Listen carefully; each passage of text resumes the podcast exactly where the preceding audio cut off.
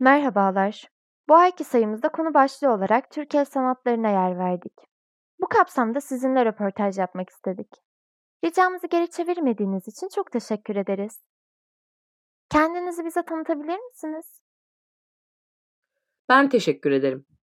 İsmim Zeliha Alav. 1975 Niğde doğumluyum.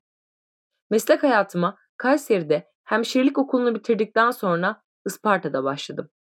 Asıl mesleğim hemşirelikti. Daha sonra Isparta Süleyman Demirel Üniversitesi Güzel Sanatlar Fakültesi Tesip Minyatür Ana Sanat Dalı'na 1998 yılında giriş yaptım. 2002 yılında mezun oldum. Tabii eğitim hayatım bu süreçte bitmedi. Beraberinde yüksek lisans geldi. Yüksek lisans bitiminden sonra 6 yıl Süleyman Demirel Üniversitesi'nde tesip ve minyatür dersleri verdim. Bu süreç zarfında hemşirelik mesleğime de devam etti. Daha sonra Kültür ve Turizm Bakanlığı için kurumlar arası geçişe başvurarak Isparta İl Kültür ve Turizm Müdürlüğü'ne geçiş yaptım. Kaç yıldır bu mesleği icra ediyorsunuz? Öğrenciliğimi de sayarsak 1998 yılı benim girişim. Tabii bundan öncesi de var. İlkokuldan itibaren ben resim sanatıyla sürekli ilgileniyor, yarışmalara katılıyordum.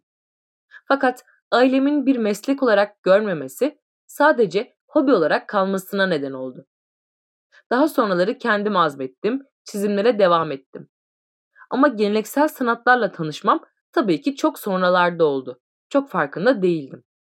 Sadece resim ile uğraşıyordum. Farklı teknikler, pastel ve sulu boya çalışıyordum. Yaptığınız bu sanatın tarihçesinden bahsedebilir misiniz bizlere? Tabii ki Türk tesip sanatı ve Türk minyatür sanatı dediğimiz konular aslında kitap sanatlarıdır. Önceden el yazması Kur'an-ı Kerimler, edebi kitaplar, ilmi kitaplar bunların hepsi. Tabi matbaa yok. Kökeni Orta Asya'ya dayanıyor ve resim, semboller ifade gücünü oluşturuyor. Bu ifade gücünden de kaynaklandığı için kitaplarda kullanılıyor. Minyatür sanatını ben açıkçası günümüzdeki boyama kitapları gibi düşünüyorum. Ya da resimli hikaye kitapları gibi düşünüyorum. Ama sanatsal gücü tabii ki çok yüksektir. Bunun gelişim dönemi özellikle Osmanlı döneminde çok yoğunlaşmıştır. 15. yüzyıldan itibaren 16. ve 17. yüzyıllarda bu sanatın zirve yaptığı dönemleri görmekteyiz. Minyatür sanatı tamamen tasvir üzerinedir. Yalnız bu tasvirlerde boyut yoktur. İki boyut vardır, üç boyut yoktur. Resimdeki gibi perspektif yoktur. Sanatkar görmek istediğini, hayal etmek istediğini çizer. Belli bir kompozisyon düzeni vardır ve bu şekilde kurgu yapılır. Kullanılan boyalar toprak boya, sulu boyadır. Kullanılan fırça ince kıl fırçadır. Bu sanatın bir diğer özelliği de altın kullanılmasıdır. Çünkü sanata çok kıymet veren Osmanlı döneminde altının oldukça önemli bir kıymeti vardır. Tesip sanatına geldiğimizde de tesip sanatı yeryüzünde gördüğümüz her türlü nesnenin stilize edilerek sembolleşmiş çizimleridir aslında. Bitkisel motifler, hayvansal motifler, mimari yapılar bunların hepsinin stilize edilip kağıt üzerine aktarılmasıdır. Başlangıcı hat yazılarının etrafını süslemekle başlamış, Kur'an-ı Kerim sayfalarında devam etmiş, günümüzde ise tezinat dediğimiz süsleme elemanı olarak devam etmektedir. Bu sanatla ilgilenmeniz nasıl oldu? Sizi neler etkiledi başlamanızda? Başta söylediğim gibi bir resim altyapım vardı. 1998 yılında üniversite sınavında geleneksel Türk el sanatları bölümleri açılmış ve o dönemde bir öğrenci arkadaşımla tanıştım. Yaptıkları minyatürlerden çok etkilendim. Resmin çok farklı bir kısmında ve tam bana göre olduğunu düşündüm. Çünkü belli bir kuralı var. Ancak hayal burada daha güzel. Kendimi burada daha iyi ifade edeceğim ve hep sembolik anlatımlar var. Benim sanırım duygum bunu daha çok perçinliyordu. Ve ben de minyatür ve tesip bölümünü tercih ettim. O zaman da şimdiki gibi yetenek sınavı ile alınıyordu. Sınavlara hazırlandım yetenek sınavını geçtikten sonra eğitim hayatım başladı. İşin içerisine girdikten sonra daha çok seviyorsun.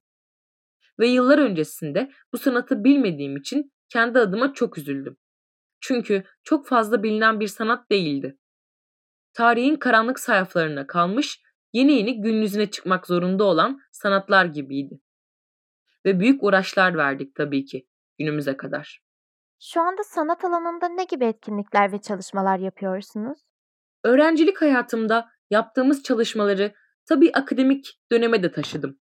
Makalelerle, tezlerle. Bunları akademik yayın haline getirdim ve öğrenciler yetiştirdim. Beraberinde Kültür ve Turizm Müdürlüğü'ne geçtikten sonra bakanlığın el sanatları kurslarını açtık burada. Türk Süsleme Sanatları ve Geleneksel El Sanatları Yönetmeliği kapsamında. Her yıl yaklaşık 15 öğrenci alıyoruz ve bu öğrencilere tesip ve minyatür sanatını tüm inceliklerini öğreterek onların da yeni birer tesip, minyatür sanatkarı olmalarını sağlıyoruz. Tabi elimizden geldiği kadar. Bunun yanında somut olmayan kültürel miras kapsamında minyatürler yapıyoruz. Kentin dokusunu anlatıyoruz. Tesip sanatında yine yöreye özgü özelliklerle çalışmalarımız oluyor. Buradaki daha önceden yapılmış figürleri gün yüzüne çıkararak yeni çalışmalar yapıyoruz. Hat sanatı ile birlikte oluyor tabii ki. Tesip sanatı yine hat sanatı etrafına yapılan levha tesipleriyle. Günümüzde olduğu gibi artık daha çok levha tesibi var. Sanatı da Türk Kültür ve Turizm Bakanlığı adına gençlerimize yayıyoruz. Yaşadığınız zorluklar nelerdir? Eğitim hayatınızda, iş hayatınızda? Güzel sanatlar eğitimi özellikle geleneksel Türk el sanatlarında çok uzun bir süreç. Bizim çalışmalarımız çok kısa bir sürede bitmiyor. Oldukça uzun bir süreç. Yaklaşık bir ay, bir buçuk ay gibi bir sürede oluyor. Tabi eğitim hayatında bu oldukça meşakkatli.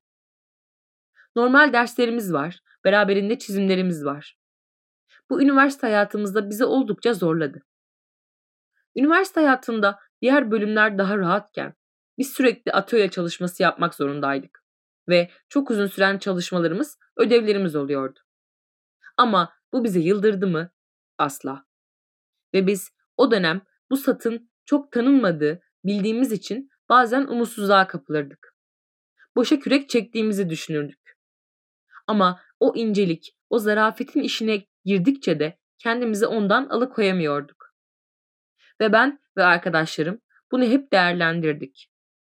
Süreç içerisinde Türk kültürüne ve Türk sanatına olan değer biraz daha arttı ve beraberinde bizim sanatımızda hak ettiği değeri buldu.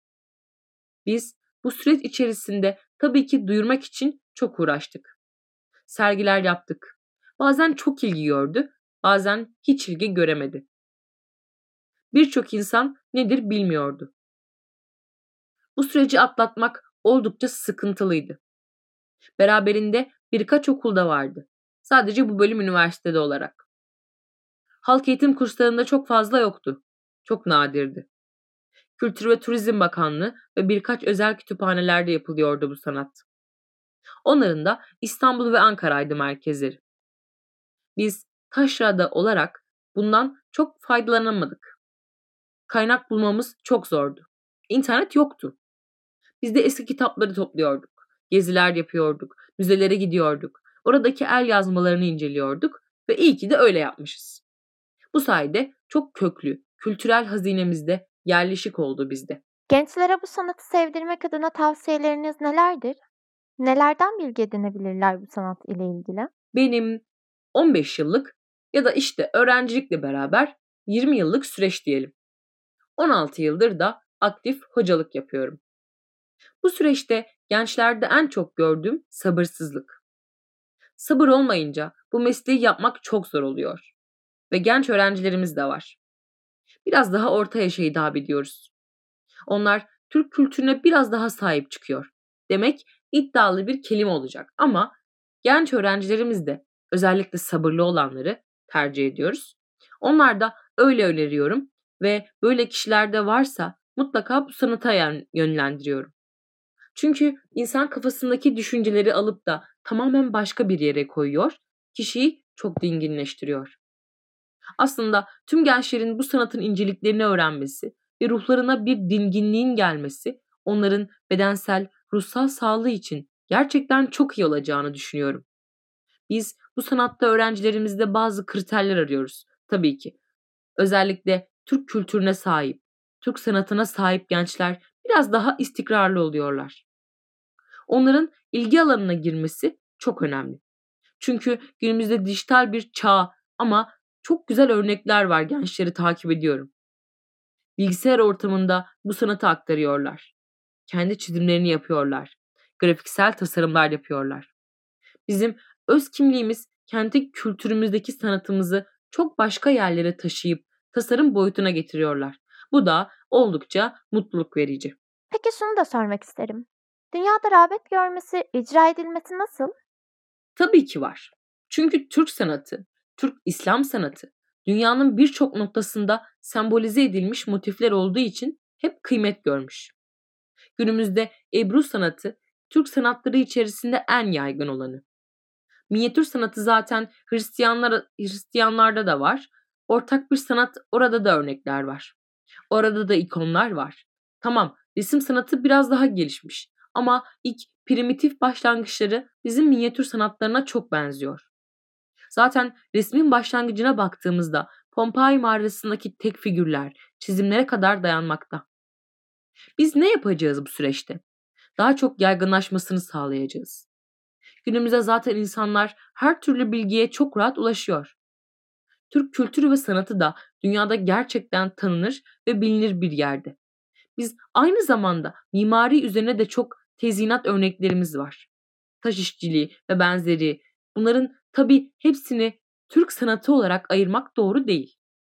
Belli tekniklerde ayırıyoruz ama bakıyoruz biz tesip motifinin, hatayi motifinin farklı bir varyantı taş işçiliğinde var.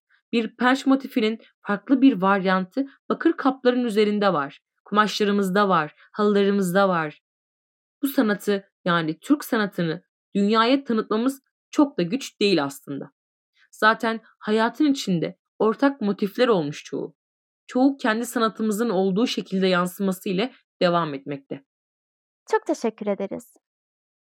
Ben teşekkür ederim.